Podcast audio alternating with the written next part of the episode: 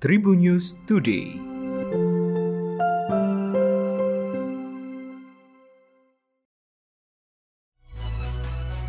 Tribun News Today hadir kembali menemani Anda dengan berita terkini bersama saya Delta Gonzales dan kita awali dari berita nasional.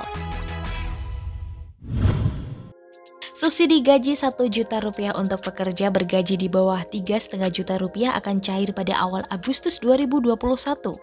Pencairan BLT subsidi gaji 1 juta rupiah ini disebutkan langsung oleh Sekjen Kementerian Ketenagakerjaan Anwar Sanusi pada Kamis 29 Juli 2021.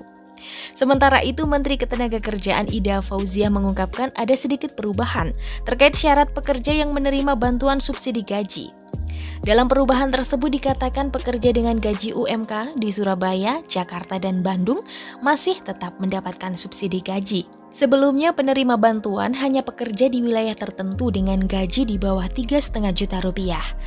Menaker memberi penjelasan, Pekerja dengan UMK di atas 3,5 juta rupiah, maka persyaratan gaji menjadi paling banyak sebesar UMK tersebut. Adapun sejumlah kota di Jawa seperti Kabupaten Karawang, DKI Jakarta, Kota Bandung, Kota Tangerang, Kota Serang, dan Kota Surabaya memiliki besaran UMK di atas 3,5 juta.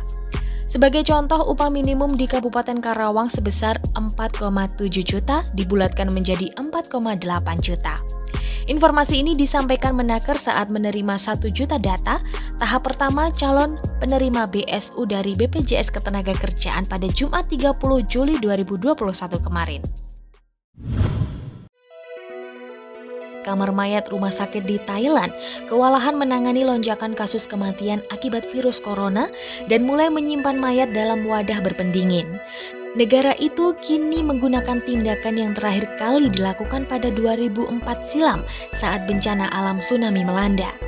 Thailand pada Sabtu kemarin melaporkan rekor harian mencapai 18.912 kasus infeksi dan 178 kasus kematian baru sehingga total akumulasi kasus virus ini menjadi 597.287 kasus infeksi dan 4.857 kematian. Dikutip dari laman channel News Asia Minggu 1 Agustus 2021 di Rumah Sakit Universitas Tamasat yang terletak di dekat Bangkok, kamar mayat dengan 10 lemari es biasanya dapat menangani hingga 7 otopsi dalam sehari.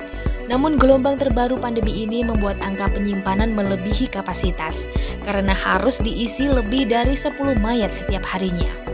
Direktur rumah sakit tersebut, Harurator Udom, menyebutkan bahwa masing-masing kontainer membutuhkan biaya sekitar 250 ribu baht atau setara dengan 7.601 dolar Amerika Serikat.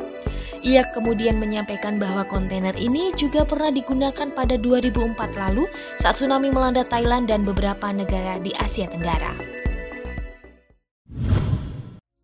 Atlet kayak asal Australia Jessica Fox memperbaiki kayaknya yang rusak menggunakan alat kontrasepsi atau kondom. Seperti diketahui penyelenggara Olimpiade Tokyo 2020 ini telah mengonfirmasi bahwa mereka akan membagikan sekitar 150 ribu kondom kepada atlet yang berpartisipasi dalam kompetisi. Fox membagikan ceritanya itu melalui akun media sosial TikTok miliknya. Cara unik Fox ini memperbaiki kayak memakai kondom menyita perhatian publik.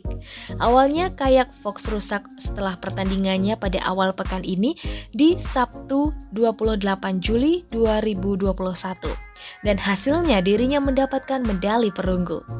Fox menambal hidung kayaknya yang rusak menggunakan karbon lantas dilapisi kondom. Baginya alat kontrasepsi kondom dinamis dan kuat untuk dilekatkan di hidung kayaknya.